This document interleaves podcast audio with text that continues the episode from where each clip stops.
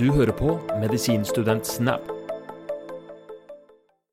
Eh, Jeg tenkte vi kunne begynne med å spørre deg litt om eh, hvordan du var som student. Hvordan jeg var, eller Ja. hvordan jeg hadde det. Ja, Vi kan begynne med hvordan du hadde det først. da altså, Så jeg studerte i England, studerte i Liverpool, og det var litt gammeldags. Det var sånn, Første to år var mest sånn vitenskap med anatomi, fysiologi og sånne ting. Og så mot slutten av andre år, da kom vi inn på sykehus.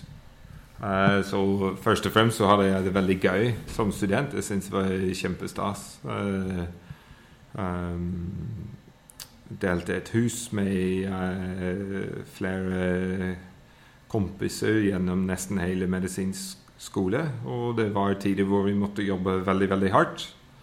Og tider hvor vi jobbet litt hardt, men var også ute og hadde det veldig gøy. Så det var Liverpool som var en veldig studentvennlig by.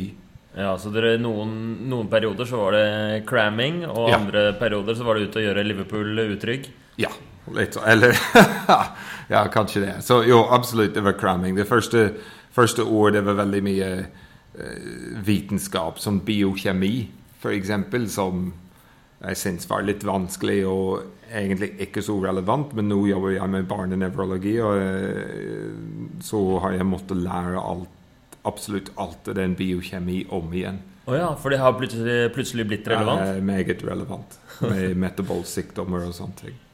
Men jeg må si jeg syns det var gøy med litt vitenskap. Og, men når vi kom inn på sengepost og på sykehus, da, da var det en annen verden, og da var det veldig interessant. Da, det er derfor jeg øh, er interessert i medisin, fordi det er en kombinasjon av vitenskap eh, og kombinasjon av å snakke med folk og prøve å finne ut hva det er som plager dem, og, og sette begge disse ting sammen, og samtidig finne tid og bruke tid til å komme fram til enten en diagnose eller en annen form for problemløsning.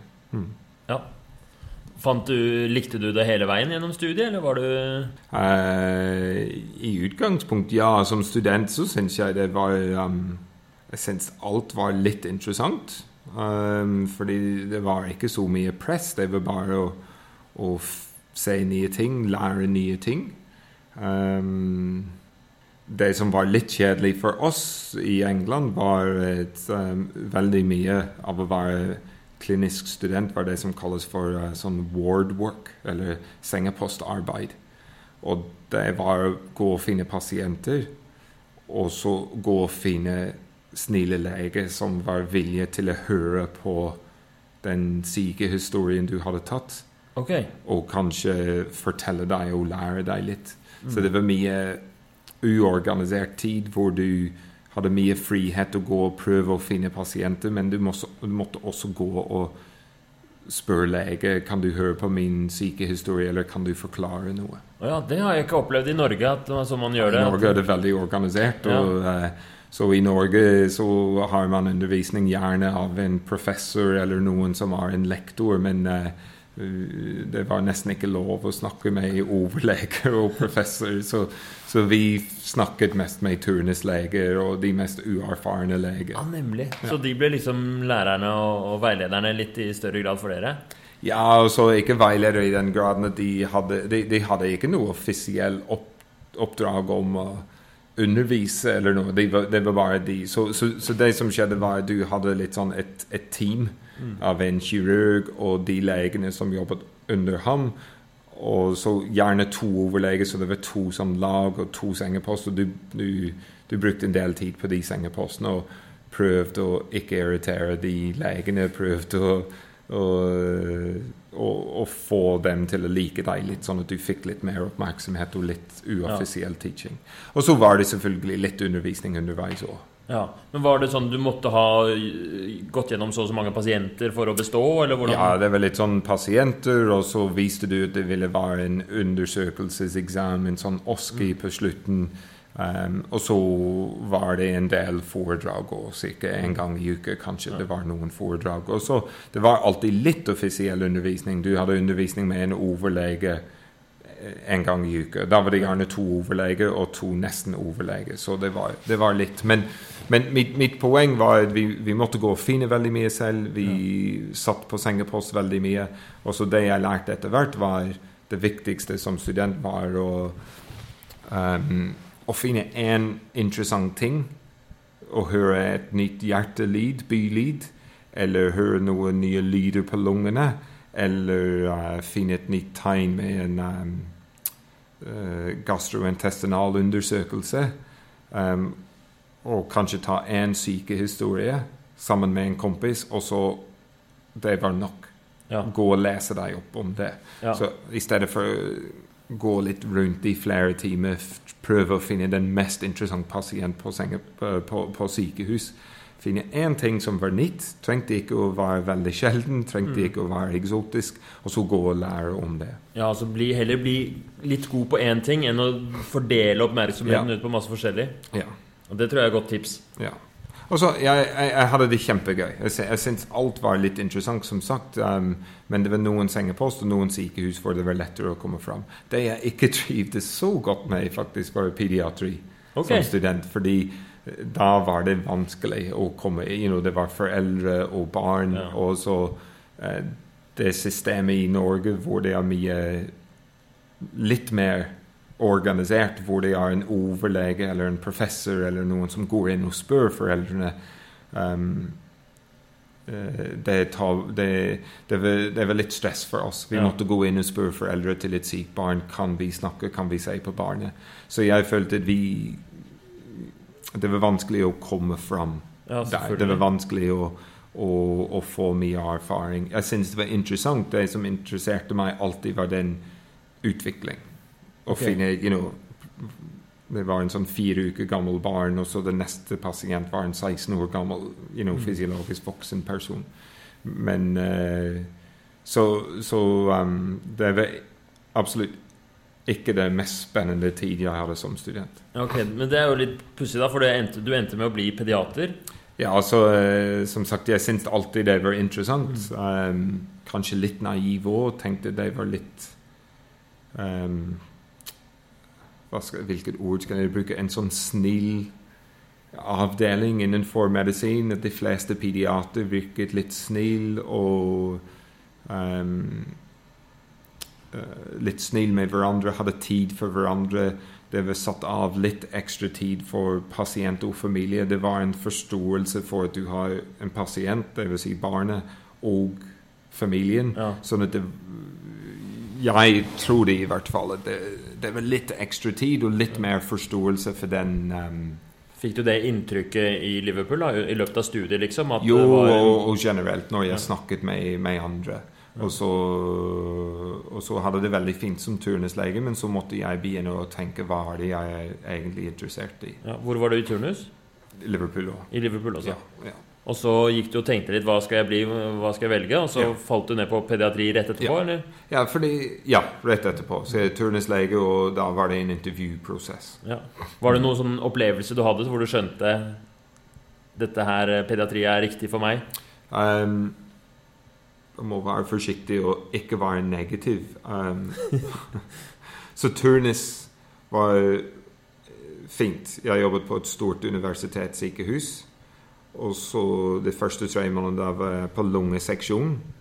Og da var det noe veldig rart. Vi hadde egentlig ikke en overlege i en periode. Så det var dårlig organisert. Og det var nesten litt sånn akseptert. Dette var dårlig organisert. Og så gikk jeg inn til sånn infeksiøs i, uh, sykdommer i tre måneder. Da var det meget bra organisert. Det var veldig god oppfølging og veldig god veiledning for overlegene. Og så generell kirurgi, også veldig bra organisert. Og så ortopedi. Og det var litt dårlig organisert. Og så min opplevelse på starten og slutten av turnus var at det var det var litt sånn operativ, som jeg kaller det. Det var litt sånn pasient med symptom, bli ferdig med den symptom, ja. og så you know, operere der, og så ikke tenk på resten av kroppen eller resten av mennesket rundt det. Og jeg likte ikke den delen av medisin. Ja. Det er noen som liker det. Og, og, vi trenger folk som gjør det. Vi trenger folk som tør å stå og operere, som tør å ta vanskelige avgjørelser, og tør å konsentrere seg på det veldig akutte problemet. Ja. Og så trenger vi andre som tar en mer helhetlig vurdering, og jeg skjønte at, at jeg ville være litt mer helhetlig uten at uh, jeg skulle gå rundt og gi alle klemmer og sånne ting. Men, uh, men jeg tenkte at uh, det er en sånn voksen side hvor noen ganger det er litt sånn stille diagnose ja, skal, Jeg skal ikke være negativ, men jeg tenkte det med den familie og den helhetlige oppfølging av et barn og alt rundt det, det, det ble enda mer attraktivt for meg. Ja. Fordi det er, det er liksom en, en, en prosess hvor det er litt mer oppfølging, og du, du, du kanskje følger pasienten over litt tid, og at det er litt Det er ikke bare sånn rett inn, ta ut blindtarmen og ut igjen, eller rett inn, operere kneet. og, og så, så hvorfor ble de fleste av oss lege? Og det er masse forskjellige Jeg syns det er kjempeinteressant. Jeg tenker på mine eh, venner når jeg var medisinstudenter. Så flere er psykiater, noen er ortopeder, noen er fastlege, noen er radiologer. Så du tenker på han som er psykiater. Det han gjør mesteparten av tiden, er å sitte og snakke med folk. Han som er radiolog, snakker med ingen. Ja. Se på bilder, stille diagnoser på svart og hvitt. Ja. Vidt forskjellige hverdager. Veldig. Men de første fem år, eller seks år Jeg tok et ekstra år for å gjøre sånn en farmakologi-degree. Men de første fem år, seks år egentlig, for turnus òg, akkurat det samme. Ja. Og så ble det en total splitt. Så um, For å gi et enkelt svar, for nå har jeg snakket mye, men hvorfor pediatri? Ja, jeg likte For det første og fremst jeg syns den fysiologi og nevrologi og psykologi Jeg skjønte ikke det var nevrologi og psykologi da jeg var student, men å se at mennesker vokser og utvikler seg, det var det som interesserte meg. Ja. Og så Det er litt sånn innbygd innen pediatri at du må bruke tid. Ja. Du kan ikke gå inn til et barn og si Nå skal jeg legge inn en Vemflon og bare ta tak i hånden deres. Du må bruke, Det er et veldig enkelt eksempel, men du må bruke litt tid med Ja. dem. Du må lære noen teknikker, og you know, vi har 30 minutter 40, eller 45 minutter på poliklinikk. Det har ikke voksne. Nei. Så det, det, det var både det medisinske og det medmenneskelige som, eh, som var det som initielt interesserte meg mest i, Ja. i pediatri. Og du er nå pediatrisk nevrolog, Ja. så du har på en måte to eh, spesialiteter. Nei, så, ja, så det er litt interessant. Eh, interessant hvordan det er organisert i Norge opp mot andre land. Men jeg Så jeg er i bunn og grunn en pediater, en barnelege, som jobber med barnenevrologi. Ok. Hvis jeg skal si litt mer om det, det er fordi i nesten alle andre land, spesielt i Europa, så har du en spesialistutdanning innenfor pediatri. Ja. Så de fleste europeiske land, du starter som en turnuslege, og så går du fra turnus til å være en sånn slags juniorlege, junior doctor, Mm. eh, hvor du tar litt mer ansvar. Og så ofte som jeg gjør det i England, da tok jeg tre eksamener i pediatri. Så jeg var turnuslege, søkte om en utdanningsstilling i pediatri, og så i løpet av de første to år tok tre eksamener i pediatri, en multiple choice, en sånn skriftlig og data uh, interpretation, Ja. hvor du, også og så en som var rett og slett klinisk, hvor jeg måtte undersøke åtte pasienter foran overlege. Nemlig. Så det er spesielt i England da, at det er, du er ikke ferdig med eksamen når du er Nei, ferdig nei, nei absolutt ikke. Og så um, Sånn så- er det vel ikke i Norge? Det finnes vel ikke Nei, en nei, eneste eksamen nei, etter Nei, det er kurs. Ja. Og så når du er ferdig med det, så da i mine dager, når jeg var der, da, da ble du det som kaltes for en registrar, eller en ikke litt mer senior, sånn mellom lege med en del utdanning på Ja. vei til å være overlege. Og så hvis du skal være barnenevrolog i f.eks. England eller Sveits eller Tyskland, da må du også ta en ekstra utdanning. I, Nemlig. Så, Så- det er enda et hakk videre, liksom. ja, eller du må i England eksempel, da må du jobbe Da søker du om en barnenevrologistilling. Mm. Og da er det to år hvor du jobber med bare barnenevrologi. Um, du kan ta generell vakter, eller de fleste gjør det, men det er bare barnenevrologi, og så ofte må du gjøre litt psykiatri og litt voksennevrologi. Ok. Men Mens i? Norge så har man ikke det. I Norge, I Norge er det bare turnus, og så er det fire-fem år. Ja. Og så kan du søke om en overlegestilling. Syns du, hva syns du er best? Ja, selvfølgelig. Så jeg syns det er bedre med mer struktur. Ja. Men det er min personlighet. Hvis du hadde sendt meg til et Steiner-skole, så ville jeg druknet. Så jeg trenger litt pisking og litt struktur og, Ja. og frister og sånne ting. Så når du får disse eksamene og, og litt mer sånn strukturert utdanning videre, så føler du at du får mer ut av det, blir en bedre lege?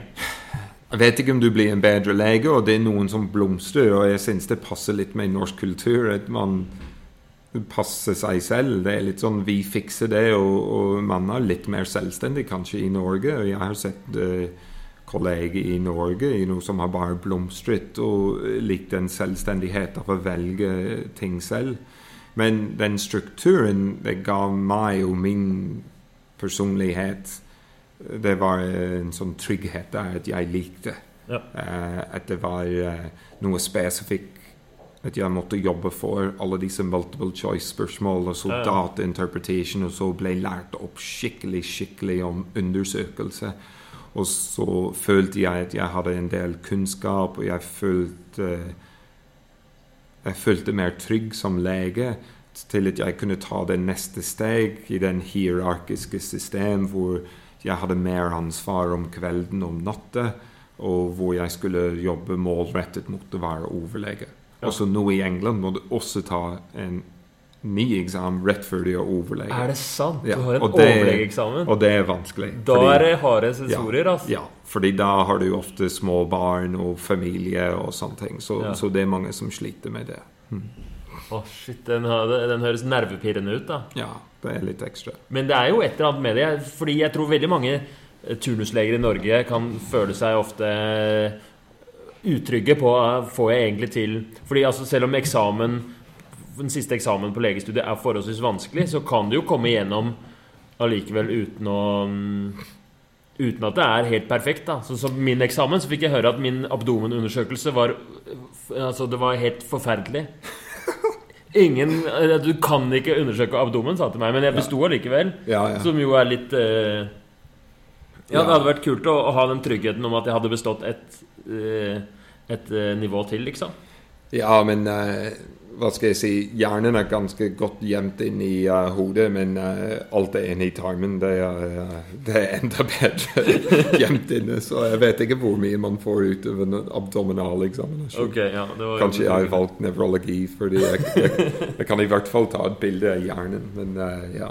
Nei, det var, det var mye struktur, og så føler jeg at jeg lærte å bli lege etter at jeg var turnuslege. Ja. Som jeg Du har vært på min undervisning, eller Ja. Så det jeg ofte sier til medisinstudenter, er um, Finne en interessant ting om dagen, eller en ny ting, uh, og gå og lese litt om det. Ikke slite deg ut hver eneste dag. Ja. Finne en ny ting, gå og lære litt om det, sånn at du har det, og så bruk definisjoner. Og det var det som var det viktigste for meg som turnuslege. Å okay. kunne definere. Fordi hvis du kan definere, da kan du be om hjelp, og da kan du stille diagnoser. ja. Så for eksempel det jeg ofte sier, bruk den Oxford Handbook of Clinical Medicine, den sånn gull og Ja. grønn eh, sånn lommebok. ja. Og, og nå, har det, nå er det sånn 50. Mm. You know, er pulmonary medicine, renal medicine, pedi. Men når jeg var student, så var det bare clinical medicine, og så tror jeg kirurgi kom ut. Men poenget med den boken er på toppen av hver liten kort kapittel så starter det definisjon. You know, astma. Og så definisjon kolon Asthma is a reversible airway disease which responds to Så, og jeg husker jeg Så du pugger disse definisjonene, Ja, og ved å absolutt. ha det som eh, liksom et slags reisverk, så står det Ja. mye En viss Det kan jo hende du kan mye om, eh, om eh, astma, men du liksom har ikke definisjonen helt Ja. foran deg. Ja, for det, det er det jeg ofte you know, I min undervisning så ofte spør jeg folk ok, hva er, you know, hva er astma? Eller hva er et hjerneslag? Eller uh, hva er ulcerativ colitt? Og så Alle har en idé. Og så Det beste eksempelet er epilepsi. Mm. Men Hvis jeg gir to eksempler Jeg husker som turnuslege fikk eh, på lungeseksjon.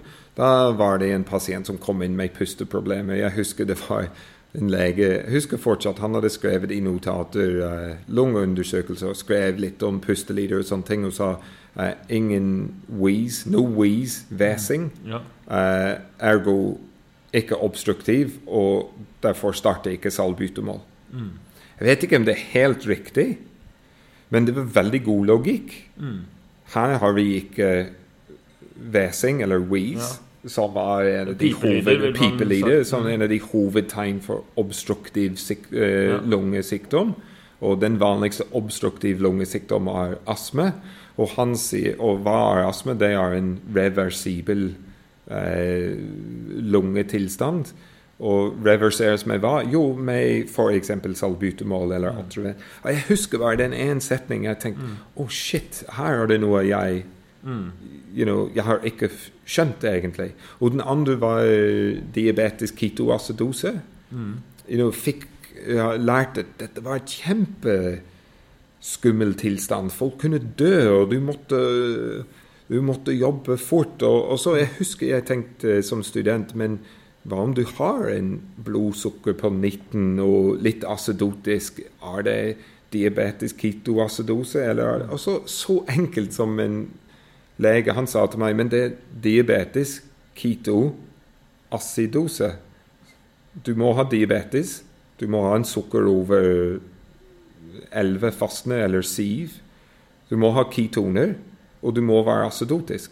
Og hvis du har sukker over diabetesnivå, hvis vi sier det, og ketone og acidose, da har du diabetes ketoacidose per definisjon. Mm. Og så, for å si det veldig enkelt, hvis du er litt redd og er turnuslege, og som i England, hvor du, you know, du måtte være klar når du ringte og ba om hjelp. Ja. Ellers fikk du en sånn veldig kort og frekk beskjed tilbake. De hadde det mer travelt enn deg. Men hvis du kan ringe og si den, denne personen har diabetisk ketoacidose, jeg tror jeg trenger hjelp, eller noe. ja. Så sånn type definisjon er, er veldig, veldig viktig. Ja. Og så epilepsi. Jeg hadde en idé hva epilepsi var i mange år, men så fikk det forklart veldig enkelt å ha den definisjonen i bakhodet. You know, på, når jeg var student eller begynte som lege, så var det you know, uh, gjentatte spontane anfall hvor du har hatt mer enn to, så ikke provosert anfall eh, som har gjentatt seg. Dvs. Si at du har hatt mer enn ett, to eller tre. Ja. Så det er den epilepsi Ja, for jeg kunne ikke definisjonen på Nei. epilepsi i farta, liksom. Nei. Det er da uh, å ha gjentatte, ikke-provoserte anfall. Ja, I utgangspunkt. Mm. Fordi poenget her er at astma og diabetes og epilepsi de, de blir veldig, veldig veldig komplisert. Mm. Så du må ha en inngang. Ja, for å, for å på en måte beherske et veldig komplisert tema Ja. som disse er, Ja. så hjelper det å ha veldig enkle og nesten sånne mm, Ja, banale må- definisjoner. Ja, du må ha en inngang. Du må, du må kunne definere. Du må kunne si ok, det er derfor jeg mistenker den sykdommen og mistenker den sykdommen. Ja. Tenker jeg. Hva er det, hva slags um, Hvorfor er det en egen spesialitet med, med pediatrisk nevrologi? Ja, så det er interessant. Så det jeg ikke sa så, så hvorfor har vi ikke det systemet i Norge? Og det er fordi Legeforening eller Barnelegeforening Og jeg er ikke helt uenig. Det, det, det de, vil, de vil ha god generell pediater. Og eh, de vil ha barnelege som ser hele barnet og familien og kan passe på diverse barnesykdommer. Og det er fordi bakgrunnen i alle barnesykdommer er utvikling. Både fysisk og psykologisk og mentalt. Det vil si at du må ha noe kunnskap om uh, vekst, uh, ernæring, alle disse vanlige hverdagsting som alle foreldre tenker på. I tillegg må du ha kunnskap om de vanlige barnesykdommer, fordi de er vanlige. Du og jeg får ikke feber veldig ofte, men masse barn får feber fordi de må komme hjem. Så det er en del ting som må ligge i bunnen. Ja. Så du, du må ha en god generell kompetanse. Men så er det disse andre ting hvor det blir veldig, veldig komplisert. Ja. Og, så det er et spesialitet i Storbritannia fordi um, vi finner flere og flere sykdommer. Vi kan definere flere og flere sykdommer, og vi har behandling for flere sykdommer som vi ikke hadde før. Ja. Og så det som skjer i dag med f.eks. genterapi, enzymerstatningsterapi, sånn type ting. Um, noen av disse medikamenter er veldig dyre. Noen har veldig komplekse bivirkninger. Noen har, you know, har veldig farlige komplikasjoner. Så det er litt sånn spørs om hva du vil ha. Og, og vil du ha en lege som kan passe på 80% av problemet hos barn, da trenger du en god generell pediater. Men hvis ditt barn har spinal muskelatrofi eller um, en veldig sjelden form for nyresykdom, Mm. eller en veldig sjelden form eller en, ja, en sjelden form for hjernekreft, Mm. da vil du treffe en lege som har hatt erfaring Med akkurat den. med akkurat den. Ja. Eller det jeg jobber med, med sånn utviklingsforstyrrelser og syndromer. You know, da er du veldig avhengig av uh, noen som sitter og tenker på disse tingene hele tiden. Er det det du jobber mest med nå? Utviklingsforstyrrelser? Så, jeg, uh, så barnenevrologi um, er en av de største feltene innenfor pediatri. Og da jobber vi i utgangspunkt med hjernen, ryggraden, og så perifere nerver og musklene. Og så alle jobber med utviklingsforstyrrelse. Jeg jobber mye med muskelsykdommer, eller nevromuskulære sykdommer.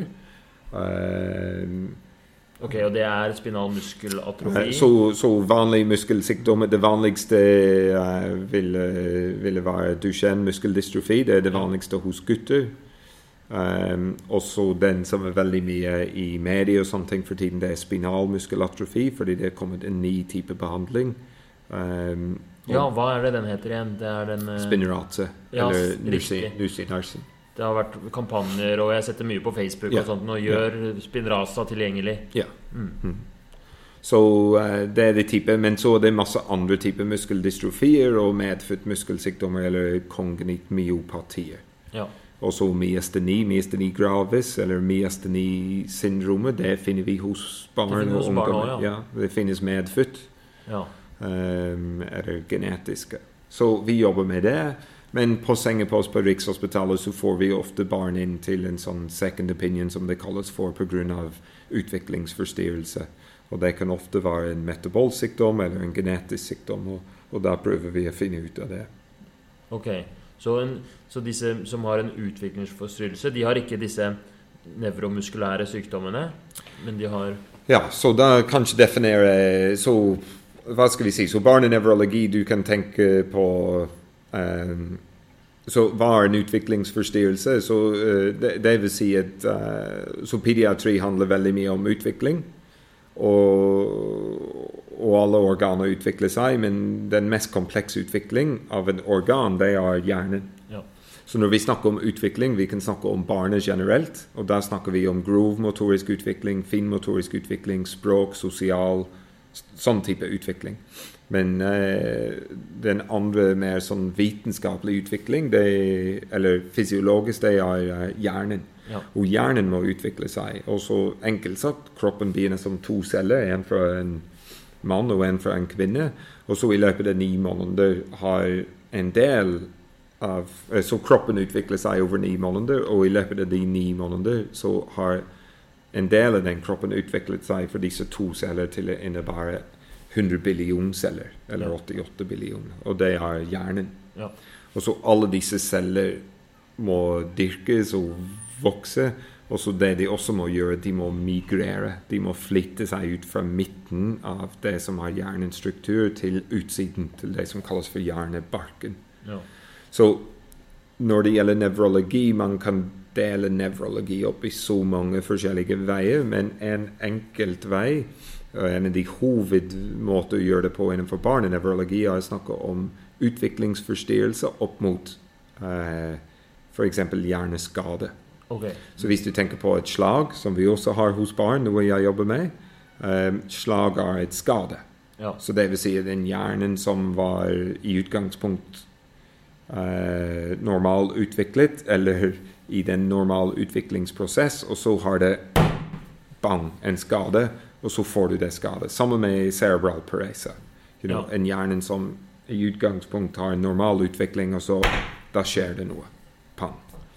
Um, mens en utviklingsforstyrrelse eh, som eh, hva skal vi, Så noen ville sagt ADHD, noen ville sagt autisme. eh, du kan også tenke på Down syndrom.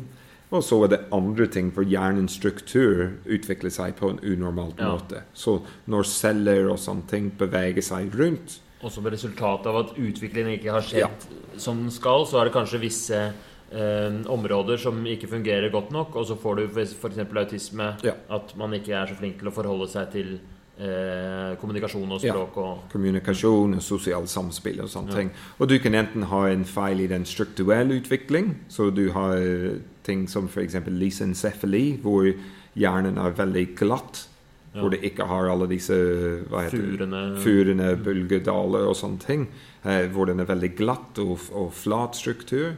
Og så er det noen som er født med eh, heterotropi, hvor disse celler som skal bevege seg ut til hjernebarken, har ikke beveget seg hele veien ut. ut. Mm. Så hvis du tar et bilde av hjernen, så ser du hjernebarken på utsiden, men litt av den hjernebarken ligger fortsatt inne. Ja. Um, og så er det folk som er født uten deler av hjernen, rett og slett. Av og til sier du at de mangler en del av den ene lobe eller den andre. De som, um, hvor, hvor det ikke vokser helt ut, eh, hva slags symptomer får de?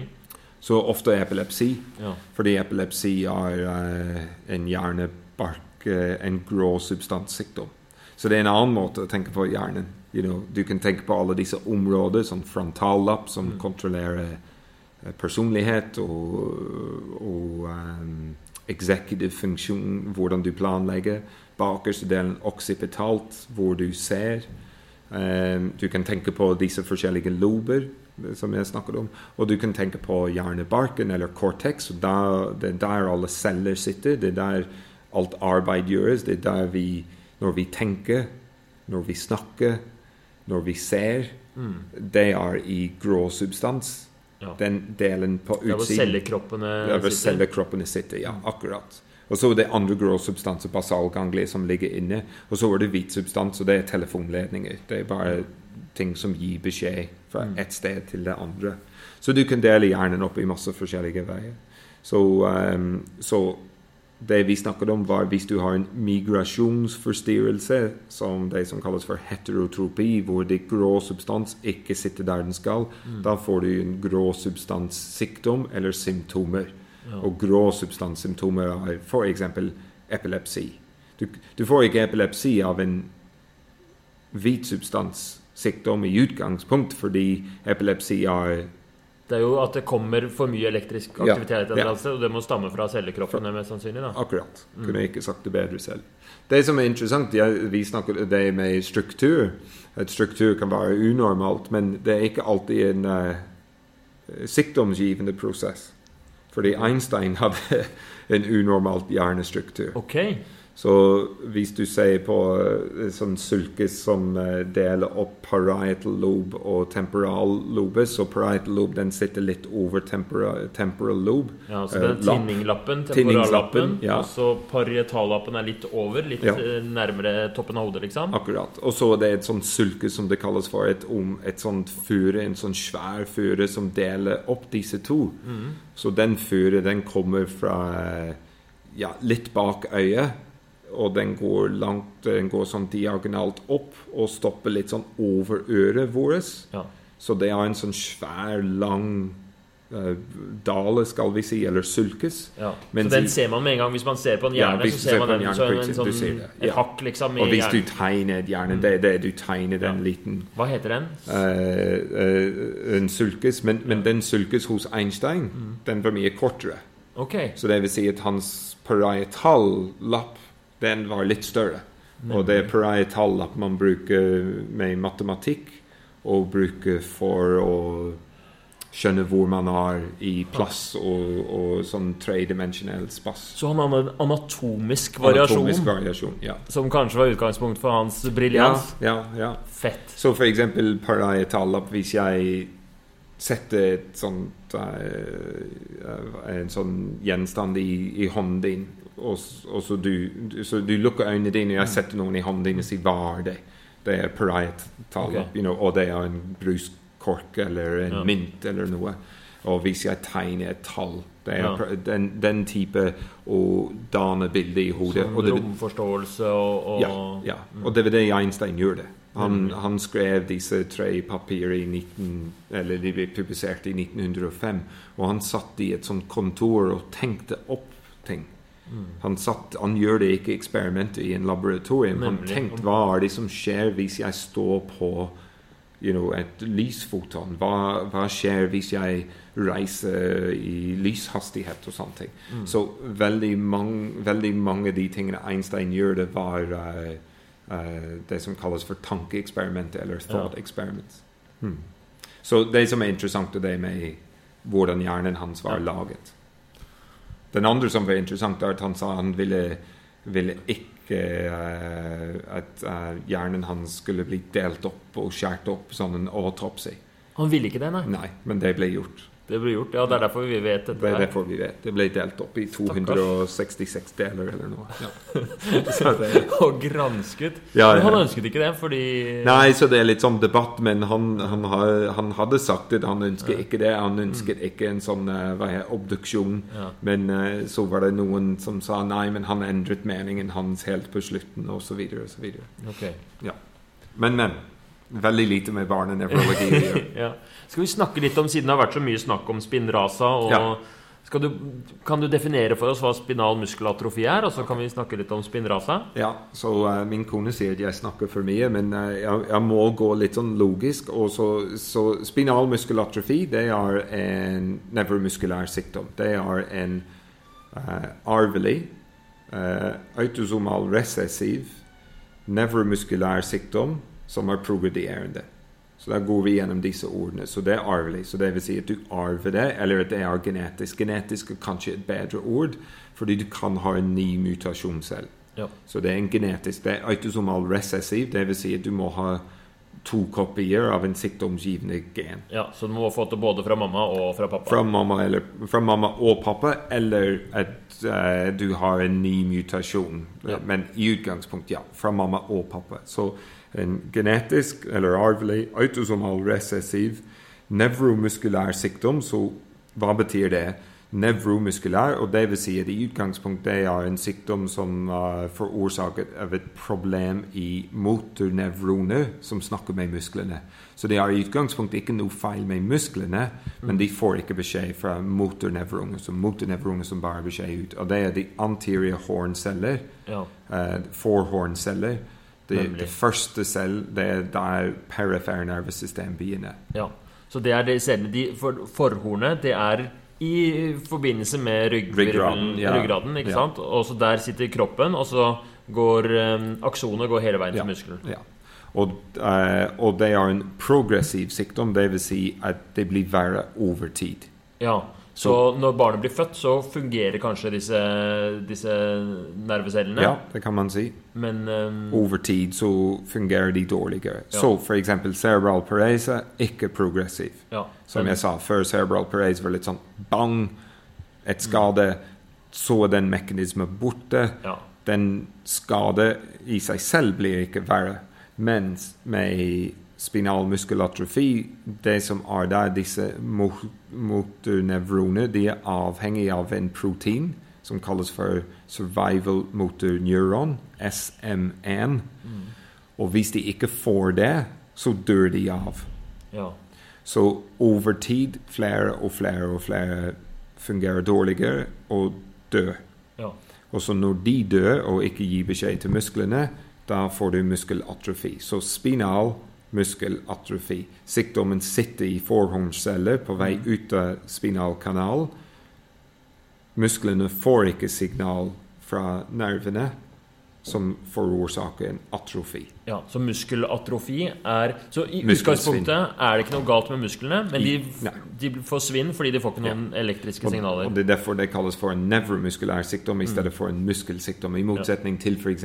Duchenne muskeldystrofi, som, som er et primær muskelsykdom. Ja, så i Duchenne muskeldystrofi så er det musklene som er syke musklene og blir ødelagt ja, på en eller annen måte. ja. Hvordan, eh, hvordan arter sykdommen seg for et barn som blir født med spinal muskelatrofi? Så det er i utgangspunkt tre typer. Det er SMA type 1, type 2, type 3, type 1 for det var Wernick-Hoffmann syndrom, men nå kaller vi bare for type 1 og 2 og 3. Det fins egentlig en type 0 og en type 4. Eh, Type 0 er dødelig. De enten dør før de er født eller rett etter. Og type 4 de får symptomer som voksne. Men vi gjør det litt enklere og tradisjonelt, og det er type 1, 2 og 3. Ja. Type 1, 2 og 3 det er en klinisk definisjon. Så det vil si det går ut fra symptomer. Mm. Og debutalder ved symptomer. Så det er to ting. Så type 1 det er barn som får symptomer før de er seks måneders alder, ofte mye, mye tidligere. Ja. Og motorisk de klarer aldri å sitte. ja. Eh, så type 2 de får symptomene mellom 6 og 18 måneders alder. Personlig tror jeg de får symptomer tidligere. De lærer å sitte, men de klarer aldri å gå. Og type 3 de får symptomer tradisjonelt sett etter 18 måneders alder å lære å gå. Men de ofte, eller eh, mange, vil slutte å gå på et senere tidspunkt. Okay. Men de er fortsatt type 3. Så det er en klinisk definisjon basert på alder med symptomdebut Mm. og er best oppnådd motorisk funksjon. ja. Så hvis jeg har en eh, helsestasjonslege, da, Mm. og så kommer det en seks måneders kontroll, Mm. og så viser det seg at den babyen den kan ikke sitte Mm. Når man forventer nå er jeg ikke helt sikker, Man forventer vel det på seks måneder? Ja, rundt eh, seks seks til åtte måneder. Ja. Ja. Så seks er kanskje litt tidlig, men ja det, det, det, ja, det er mange som klarer det. Ja. Så da hvis den hvis den eh, lille barnet da ikke klarer å sitte, Mm. og den er, litt, det er kanskje noe pussig med at den er litt dårlig motorisk generelt, så kan det være tegn på SMA type 1. Uh, ja, da har de, da har de veldig lite på hvilket vis de har klart seg til seks måneder.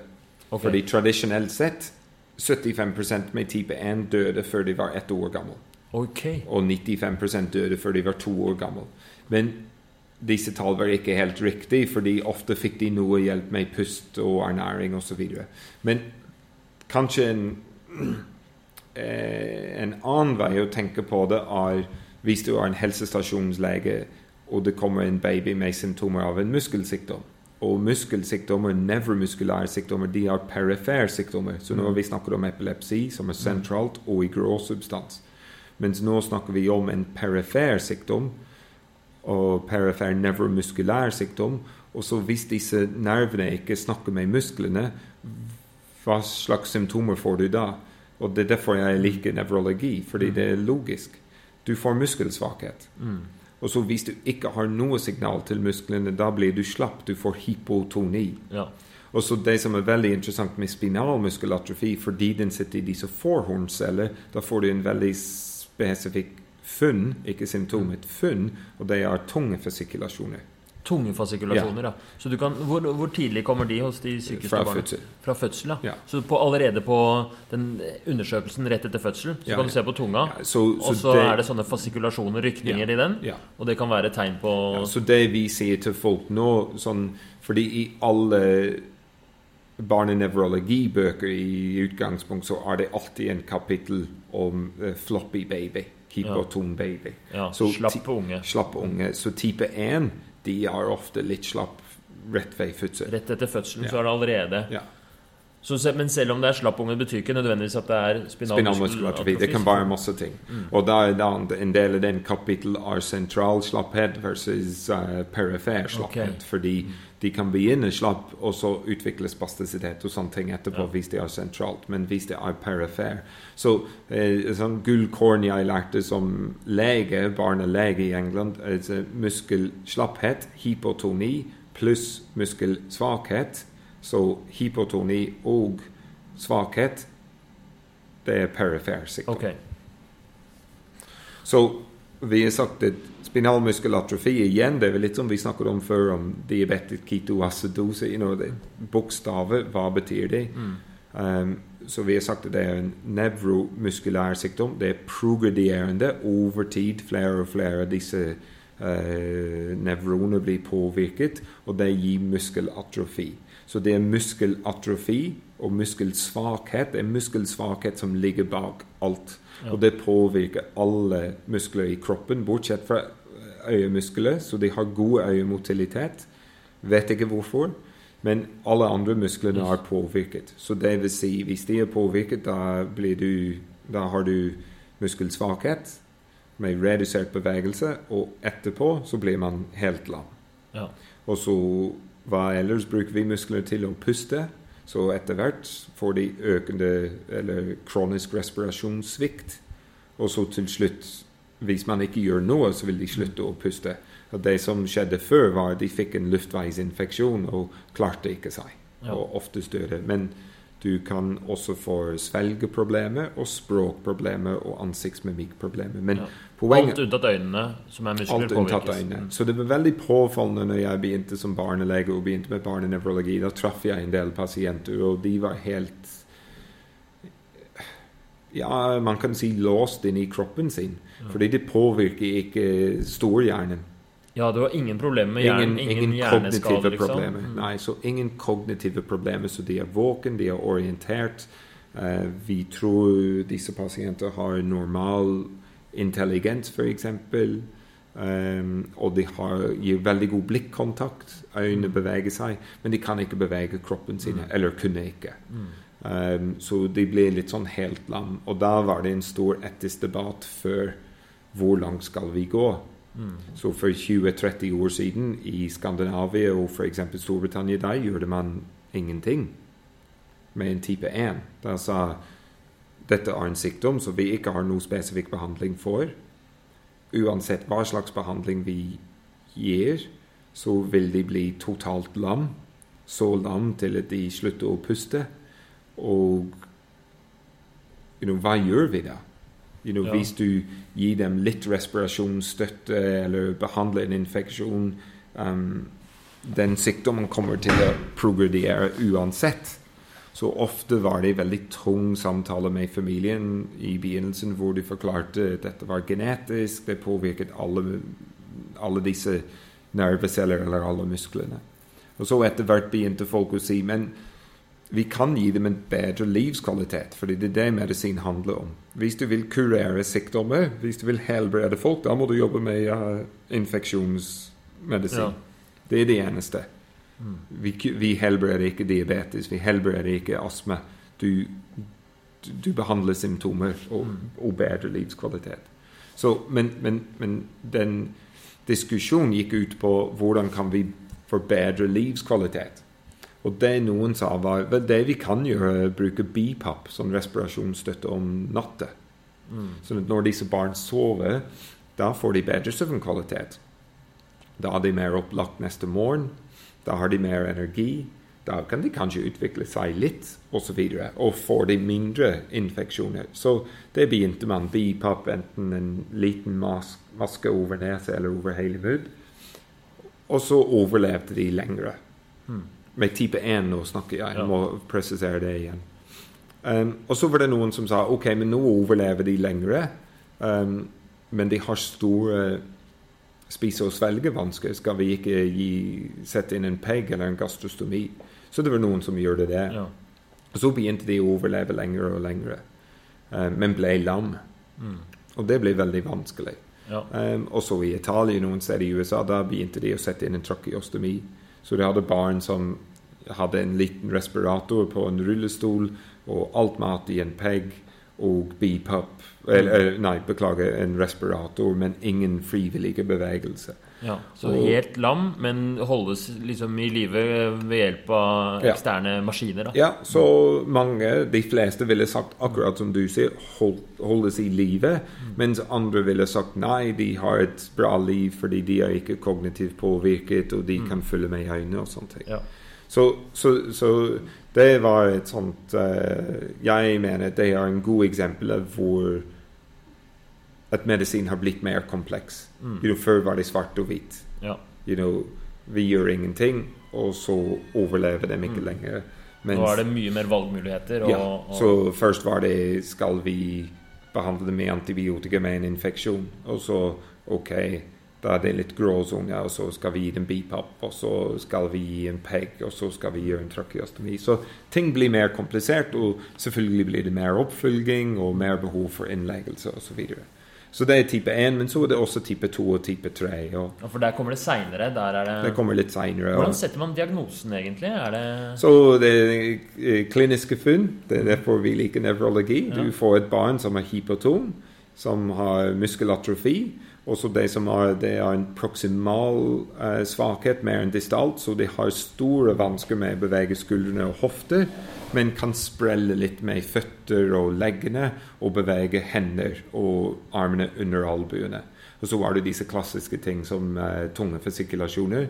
Og så er 2019, så da tar vi en genprøve. Ja. Og da sjekker vi den SM1-genet.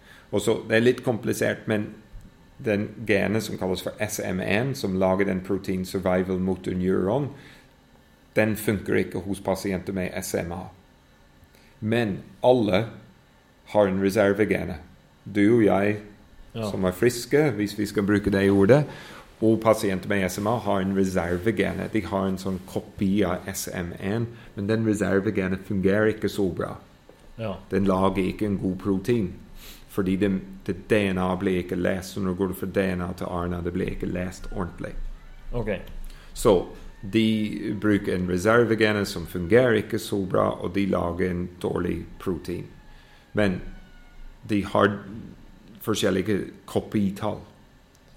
Nemlig så er det som avgjør uh, variasjonen på SM Nesten. Ok. De får, så det, det du kan tenke deg, at alle har en kopi av det genet. En fra mamma, en fra pappa. Mm. Um, og så hvis du har bare Så hvis den gode genet, hvis vi kaller det SMN1, er borte, da tenker du at ok, men da har de to kopier av den dårlige SMN2. Ja. Og hvis du har to kopier, da forventer man at man har SMA1. Men det som også skjer, er at av og til disse andre, disse SMN1-genene, de endrer seg til en dårlig kopi. Så du kan faktisk ha tre kopier av den SMN2, eller fire kopier. ja. Sånn at du har alltid disse dårlig fungerende reservegener, men de gode gener de er enten borte, eller de kan fungere som en dårlig. Ok, Så overgangen mellom spinal muskelatrofi 1, 2 og 3, altså alvorlighet de forskjellige, er den glidende, da? Egentlig? Men at man har satt en sånn Det er litt sånn litt glidende, ja. Og det var en annen debatt i 70-80-tallet. Eh, men det er litt glidende, men det er basert på klinikk. Og så har du den genetikk. Hvor mange kopier har du? Ja. Og den passer litt sånn 90-95% Hvis du har to kopier, så er vi veldig sikre at du har en type 1. Men du kan være en type 2, du kan være en type 3. Ja. Så hvis du har, men hvis du har mange kopier av dette genet som produserer et sånn protein. reserveprotein yeah. som yeah. fungerer sånn passe, yeah. så har du sannsynligvis bedre klinikk. da, da er du da- nærmere. så, så, i utgang, så, så ja, i utgangspunkt vil man si fire kopier, da du SMA3, to, tre kopier, da du SMA2, uh, to kopier, da du SMA1. Okay. Men det er ikke så enkelt. Skulle ønske det var enkelt, men det har i hvert fall eh, Ja. Nå skjønner vi litt mer. Er det, hvordan fungerer den behandlingen, da? Så det som skjer med det genet som er dårlig, da leser du DNA. Og DNA, da er det eksoner, deler av DNA som har en spesifikk jobb, og introner, deler av DNA som ikke har en spesifikk jobb. Så jeg tenker det som en oppskrift. Ja. Uh, så når du leser oppskrifta, står det kjøtt, uh, komme, mellomrom, uh, løk, komme, mellomrom. Så eksoner, det tenker jeg som ord kjøtt. Mens introene det er grammatikk og mellomrom osv. osv. Du trenger begge, eller kan du ikke lese oppskriften. Og Problemet med SMA er når, leser, når, når man leser den oppskriften, den DNA-oppskriften, så tar man ikke med alle eksomer. Okay. Du, du, du glemmer å ta med ekson 7. Og det spinner som gjør den medisinen, det er en sånn eh, DNA-lim eller uh, lys. Så når du leser den, så sier det 'ikke glem å ta med dette'. Ok, så Så du sånn- leser den DNA-oppskrift bedre. Det påvirker det som kalles for DNA, eller RNA, RNA-splicing. Med andre ord at du leser alt som er viktig i DNA, og du splicer ut det du ikke har, sånn at du lager en god RNA-molekyl. Ja. Så, så dette, og dette her går alt på dette reservegenet. alt på det reservegenet, fordi du har ikke den gode genet. Ja. Så med SMA mangler man det gode genet, men man har et reservegen. Men grunnen til at det ikke fungerer dårlig, er at avlesningen av genet er, er eh, ved fødsel faulty, liksom. Den Ja. er feil. Helt riktig. Og det er, det er et visst antall eksoner. Det genet består av mange eksoner, Ja. og den får ikke med seg alle. Ja. Men Spinraza eh, Sette seg på en av disse Mhm. og si 'ta meg med'. Nemlig. Og så du tar den med, og så lager du Så, så da, da gjør du god RNA-splicing. Du går fra bra DNA, eller DNA til god RNA, og så lager du en god protein. Og det proteinet, det er S... Eh, Survival motor neuron. SMN. Så SMN. da får du et eh, Fra ditt egentlige gen, som i utgangspunktet leverte noen sånne half-ass-proteiner, så får du faktisk et godt protein Ja, som, eh, kan, som, kan gjøre, som gjør at disse eh, motornevronene, disse perifere nervene Ja. på vei til musklene, de overlever faktisk. Ja, og snakker med musklene. Ja. Hvis du tenker på astronauter eller folk som har vært eh, på intensiv og ligget i mange måneder Hvis de ikke bruker musklene, så får de muskelsvinn, atrofi. Ja. Også det samme her. Ja. Så, Så man har tatt av seg en gips, man har på gips lenge, så er armen veldig tynn. Akkurat. akkurat. Mm, Godt eksempel. Og så Poenget her er eh, Ja, hva skulle jeg si? Under norsk lov kalles dette for genterapi. Ja. Men man kan si vitenskapelig det ikke er genterapi fordi du endrer ikke genet. Mm. Du påvirker genavlesning, DNA-avlesning. Men, du, men du, du endrer ikke genet. Og derfor må du få flere doser. Du må få en dose medisin hver fjerde måned. Ok. Men så kommer ekte genterapi. Den er i utprøving nå. Og nemlig. Hvor man Mm. da kan rett og slett gå inn og forandre genene til Ja, så det er forskjellige typer genterapi. Mm. Du kan endre ting, så det er noe som kalles for CRISPR. Ja. Uh, C-R-I-S-P-R. Ja. Uh, det kan du finne på YouTube og sånne ting. Og det kalles for genredigering eller gene editing, hvor du går inn og klipper ut en dårlig gen og sette inn en frisk gen. Mm. Eh, enkelt faktisk prosess og billig. Så billig at du kan bestille det online. Du, du kan bestille en CRISPR-sopp, en sopp, Nemlig. hjemme, og du gjør sånn å eksperimentere. ja, du gjør det, og så etter noen timer så er det en eh, hva heter det, sånn selvbelisende, selvlysende sopp. Ja. Dette har vært på NRK Super for barn. Er det sant? Ja, ja, ja, Det er en enkel prosess, men, eh, men hvis det går feil i et menneskekropp, så Ja. det er ingen vei tilbake. Da har du endret genet. Men er ikke den CRISPR mest aktuell altså før barnet blir født, liksom? Nei, så, så det spørs om symptomer. Men dette genterapi, dette er noe annet. Dette er ikke redigering. er genterapi for um, spinal muskelatrofi, det er det som kalles for ikke-integrert genterapi. Og det du gjør, er at du gir en ekstra kopi av den SMN1-genet. Den gode genet som Ja. mangles. Kan man gjøre det og gi det Ja, så det du gjør, du tar en, eh, en type adenovirus uh, eh, Ja, en type adenovirus. Det kalles for AAV9. Så det er en adenoviruslignende vektor. kalles for vektor. Du tar ut Det det RNA i adenovirus, så du tar ut den fra den adenovirus som skalle eller hus, og så setter du inn det genet du vil, i dette tilfellet SMN-genet. Du setter den inn, ehm, og så har du en pasient, og du gir dem 10-14 kopier av dette adenovirusvektor med Ja. genet. ekstremt mange, liksom? Ekstremt mange, så 10 til det 6 er en million. Så 10 til det 14. Um, og så det som var med adenovirus, det- den, den liker seg veldig godt. Den, den, den, den liker nerv, uh, nevroner. Ja. Det, det det som kalles for nevrotropvirus. Den liker gjerne Så noen da vil viruset gå inn Og og, finne finne ja, nevronene og implantere? blod, den går, den, Eller skal gå over den blod-brain barrier. Men er dette science fiction, eller er det faktisk Nei, nei, nei, nei, nei det er brukt. Det er brukt. Det er brukt. Og da er- trenger de aldri mer behandling? Ja, i, teorien, ja. Så den Så, så det som skjer, er eh, adenovirusvektor setter seg opp på nevron, blir ble tatt inn i nevronen, og så den åpner seg, og den DNA går ut, går inn i cellekjernen, og så sitter ved siden av. Alt, Ja. alt annet. Så da har du disse 23 par, eller 46 kromosomer, og en liten ekstra ring Ja. med SM1. Så det kalles for ikke integrert, fordi den går ikke inn i, Ja, nemlig. Den- i Den finner DNA. ikke plass i kromosomet, liksom, men den, den ligger inni cellekjernen. Ja. Så teorien er at den skal være Permanent. Ja.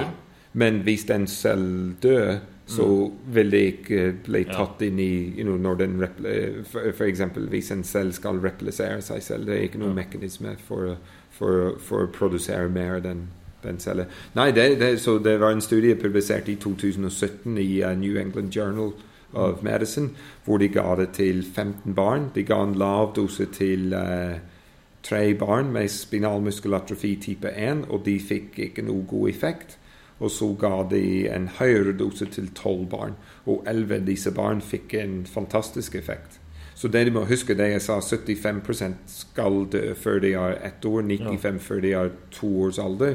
Og det som er med SMA type 1, er tradisjonelt når barn først kommer på sykehus, så er det bare nedover. De lærer ikke, de, de får ikke nye ferdigheter. Um, mens disse elleve av disse tolv barn som fikk den genterapi, de er beskrevet av legemiddelfirmaet som å ligge innenfor normalt utvikling. Det er jo helt utrolig, da. Ja, og det Ja. Og det uh, Ja, så vi må være litt skeptiske, fordi det var veldig kort oppfølging, så vi må se hvordan det går med dem framover, og, og så videre. Men, men for det første, de gjør det framskritt i det hele tatt. Det er helt revolusjonær, men det ser vi med Spinnerazzo òg. Um, og så den ene som ikke fikk en så god effekt, han fikk det litt sent. Så, så, så Nei, og så nå er det flere studier. Jeg tror det er Jeg tror det er opp mot 200 barn, kanskje over 200, som har fått den medisinen i, i forbindelse med uh, um, forskning. Men Så- sånn per dags dato, hva, hva er, hvordan er forløpet, eller hvordan ser fremtiden ut for et barn som har eh, spinal muskelatrofi nå? var mye, mye bedre enn før. Og ser spesielt bra ut for de som blir født nå. Fordi da forhåpentligvis starter vi Spinnerazzo så fort som mulig. Vi jobber, fikk en e-post senest i dag om nyfødtscreening for spinal muskelatrofi. Så i Norge så screener vi for eh, er det 23, 24 sykdommer allerede, inkludert SKID. Um, så vi håper Skid er SKID er uh, severe combined immune deficiency. Ja. Det er viktig fordi det er ikke en vanlig screeningsprosess. Du må se på genetikk, og du bruker samme metode for spinal muskelatrofi. Nemlig. Så at vi screener for SKID, det vil si at vi har kommet langt i prosessen Ja. som behøves for å screene for spinal muskelatrofi. Men poenget er at uh, det er mye bedre. Hvis vi kan starte uh, Spinnerazzo tidlig, så får vi en god effekt. Vi har um, ett barn med uh, Eller vi har behandlet en god del barn, og hos noen av disse med spinal muskelatrofi så har vi sett en veldig veldig god effekt. Vi har sett ett barn begynne å gå, og det er helt utrolig. Helt, helt utrolig. Så, um, så det er veldig bra per i dag. Det er å starte Spinerase, og så følge opp med alle de andre ting. Eh, pass på svelging, pass på at de puster godt, pass på at de har nok fysioterapi, pass på at de ikke får infeksjoner. Mm. Og så får vi se om det kommer andre medikamenter. Spinerase er en banebrytende medisin. Det er revolusjonært, men det koster veldig, veldig, veldig mye. Mm. Um, og det må gis i ryggen intratikalt. Hva er, fordi det har jo vært konflikt Er, er, er det sånn at Spinraza er tilgjengelig for alle nå? Så i Norge er det tilgjengelig for alle under 18 med spinal muskelatrofi med noen vilkår. Men um, praktisk sett så har alle under 18 fått tilbud om spinnerazoterapi. Mm. Så debatten har vært rundt i over 18, da? Eller? Ja. ja. Også i England sa de nei til alle fram til i år, hvor de endret sin mening. Irland har akkurat sagt ja, mens Italia og Tyskland sa ja til absolutt alle uh, for en stund siden. Sverige og Norge har nesten samme uh, hva skal vi si kriterier, mm. mens Danmark er mye mer restriktiv. Mm. Hva syns du, da? Så det som er spesielt, er at uh, vi begynte å bruke spinnerase veldig tidlig. Det vil si at vanligvis gjør du en fase 1, 2 og 3-studie. You know, fase 1 er det trygg hos mennesker. Fase 2 doseeskalering. Uh, Hvilken dose skal vi bruke? Fase 3 OK, nå har vi en dose.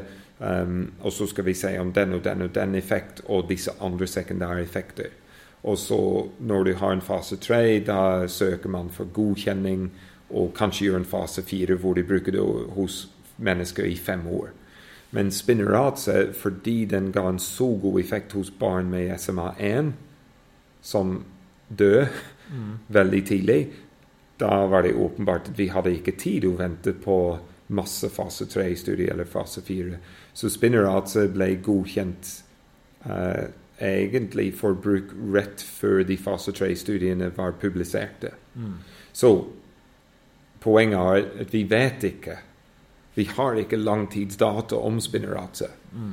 Men det er en revolusjonær medisin og gir en kjempegod effekt til mange pasienter. Mm. Pasienter som er allerede veldig påvirket og har mange symptomer hvor disse nevroner er døde. Du får ikke de tilbake, men du kan få en stabilitet. Og mm. da kommer vi tilbake til min favoritt-tema, uh, og det er livskvalitet. Mm. Ehm, hvem er de som bestemmer hva livskvalitet er? Er det basert på hva pasienten sier, hva foreldrene sier, eh, hvor mye fysisk de klarer, eh, hvor mange dager de er på sykehus? Eller er det et samfunnsøkonomisk spørsmål? Spinnerate koster veldig, veldig mye. Kan vi bruke de penger bedre på en annen sykdom, mm. osv.? Hvor mye koster det? Initielt skulle det koste én million kroner per dose. Okay. Men det var 750, kron, 750 000 pluss moms. Og så har prisen blitt forhandlet ned. Ja. Og jeg vet ikke akkurat hvor mye det koster, fordi for meg som kliniker og som jobber litt med forskning, det er viktig for meg å Det er viktig for meg å, å, å Det viktigste for meg er å konsentrere meg om effekten. Mm. Men jeg har en del av samfunnet og jeg har ansvar til andre pasienter, så det er også viktig at jeg forstår at det koster mye. Mm. Sånn at vi har på plass en god oppfølgingsprogram osv. Mm. Hvis, hvis, man er i, hvis man har en av disse litt mildere spinal muskelatrofi, og du er i 20-åra og, har, og har, er ganske, sitter i rullestol og sånn, men kanskje har, har, har klart deg greit, da. hvilken effekt vil du ha av Spinraza da? Altså Det er veldig lite publisert om det, men det kommer studiene nå. Mm. Men det er ikke noe som skjer biologisk med kroppen når man fyller 18 år. Mm. Men poenget er jeg tror det enkleste å si er at uh, nevroner som er veldig skadet eller døde, de kommer ikke tilbake. Mm. Um, hvis du har noen som er friske, uh, teorien er at de beholdes friske. Og hvis du har noen som er litt skadet, kanskje de blir friskere. Så vi ser at noen gjenvinner noe funksjon. Um, så, så um, i teorien, eller det legemiddelindustri ville sagt, er at du får en stabilitet. Det som er vanskelig med folk som har SMA type 3 osv., den progresjonen den går saktigere. Ja. Så det er vanskeligere å måle effekten av spinnerase, fordi du må bruke mye mer tid. Ja. Fordi den prosessen går sakte. Men, uh, men, det er teorien, og det, det, man, uh, det, er noen studier nå hos tenåringer og sånne ting hvor de sier jo, det er noen som gjenvinner funksjon, og så det kommer tilbake igjen til den livskvalitet. Hvis de har en bra livskvalitet og osv., så, videre, så da, da tenker man Eller uh, det vitenskapelige argumentet er at men de beholder den funksjonen. Mm. Syns du at det burde komme Eller håper du at det kommer Eller det var Kanskje teit spørsmål, det er åpenbart at man Men hva Hvis du hadde vært helseminister, liksom, hadde du satt eh, Spinraza tilgjengelig for de over 18 også? Nei, så det er vanskelig, fordi eh, det er vanskelig for meg å svare på, fordi jeg har mye ansvar for de som er under 18. Så da må Ja. jeg være forsiktig hva jeg sier, fordi jeg er i utgangspunktet en pasientadvokat. Ja. Jeg er der for det som er bra for pasientene, men jeg har ansvar for andre pasienter òg. Um, og så jeg har gjort min forskning, gjort min doktorgrad, så vi må beholde oss litt til vitenskap. Og jeg syns uh, det er ingen vitenskapelig grunn helt alene for den 18-årsgrense. Det er ikke noe som skjer med kroppen, men det er ikke jeg som bestemmer i forhold til samfunnsøkonomi og hvor ellers pengene skal settes. Men doktorgraden din, var det på Det SMA? var, nei, det var på uh, embolier til hjernen under hjertekateterisering. Okay. Men det, det tar vi på del to. Kan jeg bare spørre til slutt litt om det emosjonelle å være barnelege? Mm. Altså, du, du har jo pasienter som da eh, i noen tilfeller er dømt til å dø før de blir to år. Eller kanskje ikke nå lenger, da, men eh, hvordan Ja, er altså det? um, eh, Det er forskjellige personligheter. Det er noen folk som det, det er mange forskjellige måter å hjelpe folk. Du kan hjelpe folk med kirurgi, du kan hjelpe folk med anestesi og nesten ikke snakke med dem. Du kan hjelpe masse med radiologi og nesten ikke snakke med dem. Det er mange forskjellige måter. Barnemedisin så er du litt involvert. Men du må ha noe avstand. Du, du, jeg syns det er feil å prøve å være pasientens venn eller familiens venn. Det, det er ikke din rolle som lege. Du er en lege.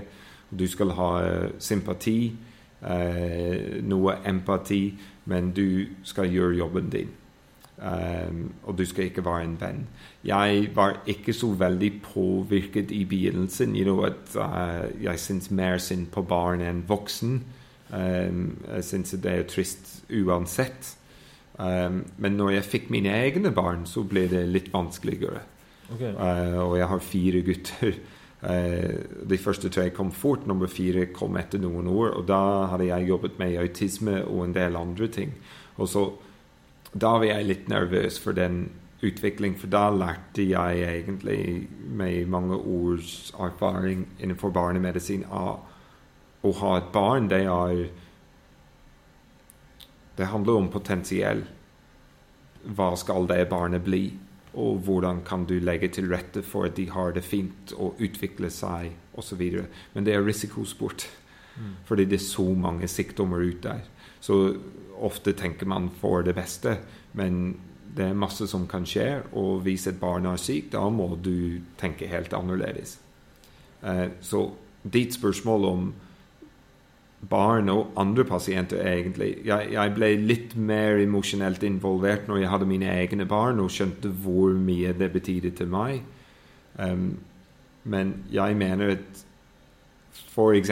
spinalmuskelatrofi Hvis de ganger jeg har sagt til noen før spinrat at dette er spinalmuskelatrofi type 1, og vi snakket om døden Hvis de kunne gjøre det på en god måte, uh, hvis du kan bidra til den familiens forståelse og støtte dem på den måten, så, um, så det trenger ikke å være bare trist.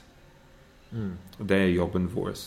Å gi folk god informasjon og uh, gi den type støtte.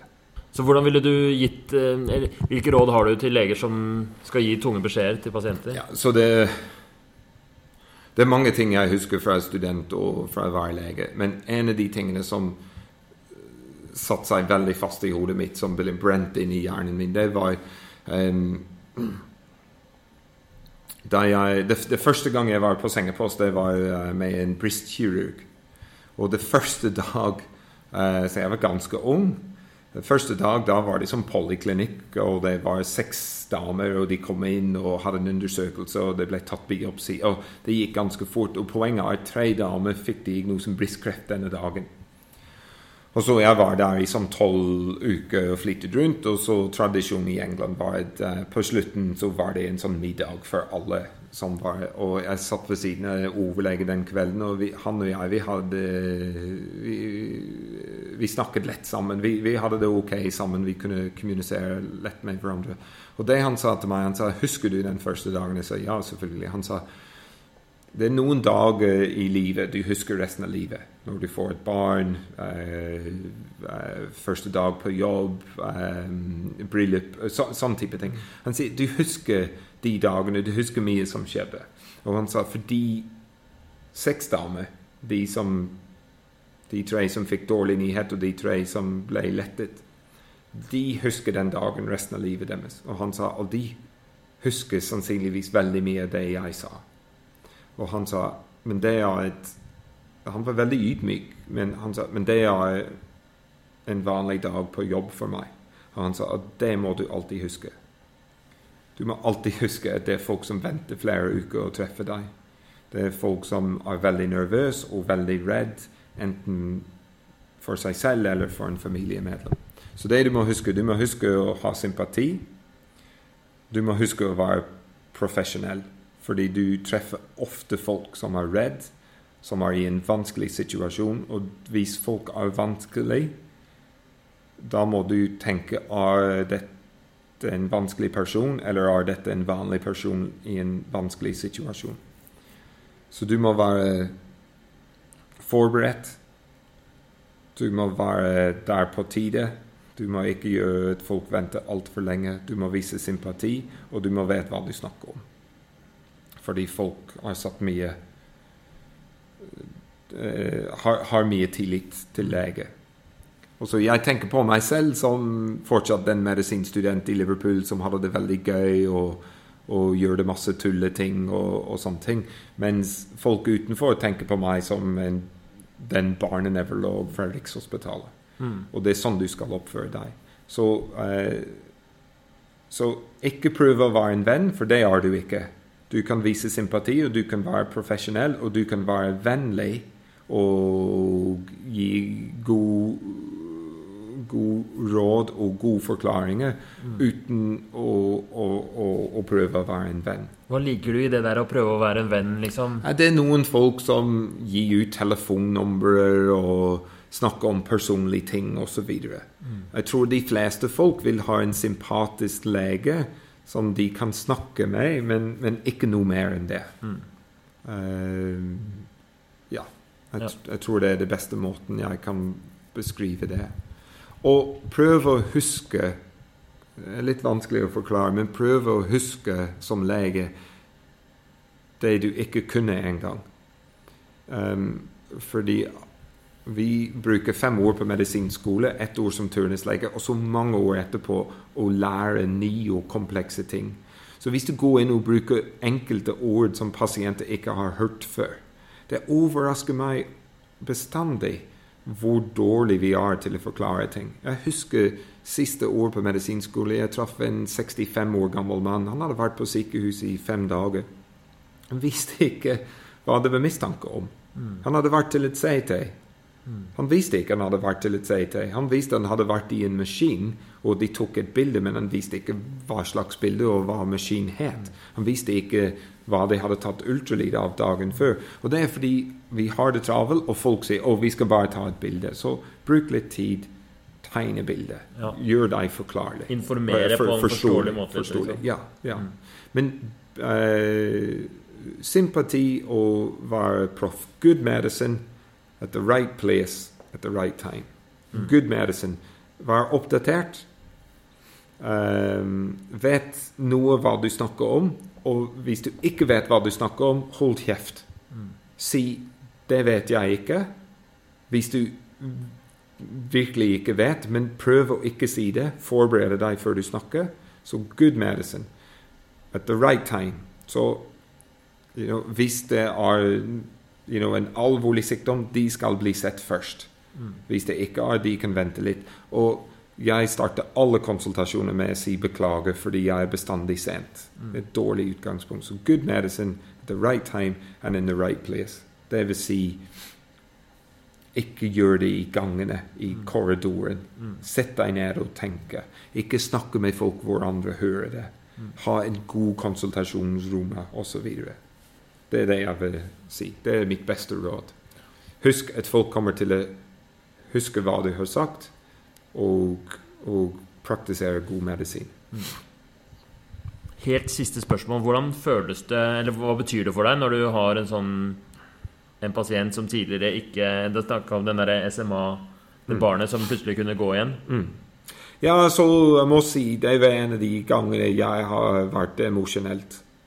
Um, og så det er kanskje svaret til ditt ting om uh, ikke være en venn.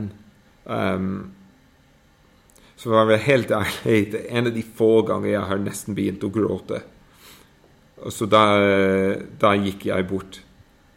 Det, familien, trenger ikke, familien trenger ikke å si meg Du kan vise sympati, og du kan vise at du er lei og sånne ting, men ikke for mye.